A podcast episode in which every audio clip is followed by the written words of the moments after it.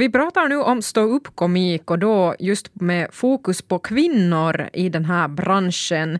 De är inte så vanliga i Svenskfinland. Det handlar faktiskt om några enstaka stycken.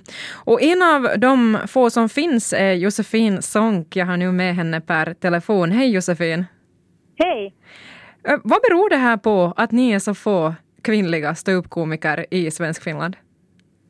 Jag tror att det beror helt enkelt på att Eh, eh, stand-up inte har liksom nått samma status eller inte blivit liksom lika stort riktigt ännu kanske i Finland som det har blivit i Sverige. Här kanske finns en lite längre tradition. Och sen tror jag att det är en sån sak helt enkelt att publikunderlaget inte är lika stort. För att det ska kunna komma fram mycket bra komiker så måste det finnas möjligheter att köra stand-up. Och vad jag vet så finns det inte någon liksom klubb i svensk Finland som kontinuerligt liksom kör eh, liksom, ja, men en gång i veckan eller någonting sånt så att man kan få övning. Så jag, jag tror att det är ganska mycket på det. Jag kan tänka mig att på, på finskt håll så finns det mer både manliga och kvinnliga komiker. Uh, så jag, jag, tror det är väldigt mycket därför.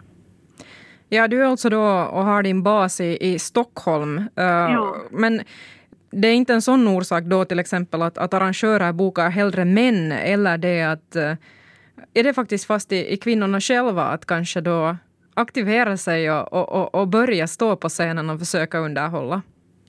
No, alltså I Sverige så tycker jag att den där frågan, alltså om man backar 10-15 år i, tillbaka i tiden, så då kanske det var eh, mer aktuellt. Men nu tycker nog inte jag att det finns nog ingen bokare som kan skylla på att det inte finns kvinnor. Inte i Sverige i alla fall. Det tycker jag är en väldigt dålig ursäkt. Alltså, jag skulle kunna räkna upp 30-tal namn på, på kvinnor som man kan boka som är riktigt bra komiker.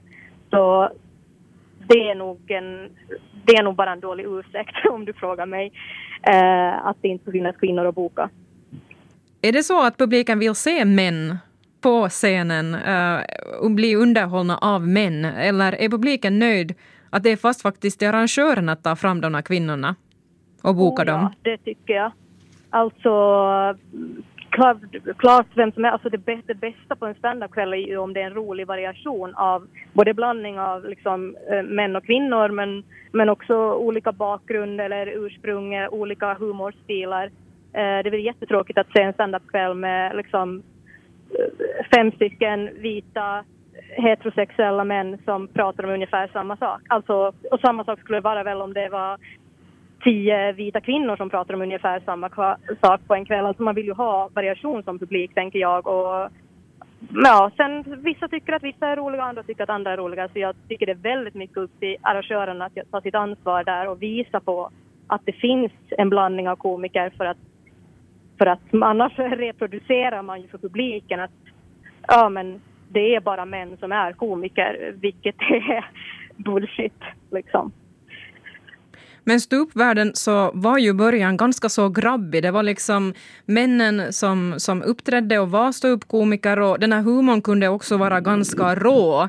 Mm. Hur tycker du att det är att verka nu som kvinna i den här branschen? Har den förändrats? Det förändras och som samhälle i stort så är ju jämställdhet, alltså det går ju framåt men, men det, det går med små steg.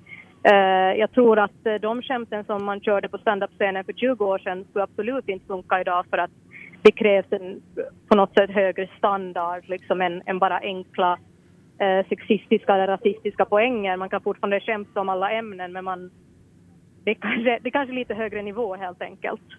Det, det, det går framåt och sen Ja, det är väl kanske fortfarande liksom lite mansdominerat så. Alltså från början så har det ju varit nästan bara män. Så att det är mycket män som sitter, sitter på mer makt än vad kvinnor gör eh, som samhälle i stort. Och där har ju arrangörer ett ansvar att försöka boka jämnt. Så att liksom kvinnor kommer fram. Så att när kvinnor liksom blir stora komiker så kommer det att bli liksom en mer jämställd arena. Men nu är också faktum det att eh, inom Svenskfinland så finns det bara några enstaka kvinnliga komiker. Hur tycker du att vi ska ändra på det här, Josefin Sonck? Det är egentligen att eh, om det finns folk som skulle vilja köra stand-up, eh, starta en egen klubb och liksom försöka ha det kontinuerligt en gång i veckan så att publiken kan hitta dit. Ja, det, det är egentligen det som behövs krafter som vill få, få liv i den konstformen i svensk Finland så man måste lite göra det själv. Här i Sverige är det jättevanligt med komiker som driver sina egna klubbar. Och det är därför det också har liksom kommit fram mycket bra komiker för att det finns mycket möjligheter att köra för att komiker har startat sina egna klubbar. Så, så det är nog lite det. Och sen förstås att, ja men som Daniel då som är en arrangör, ordnar man saker, se till att, se till att boka mer jämställt. Det går. Det finns kvinnor att boka.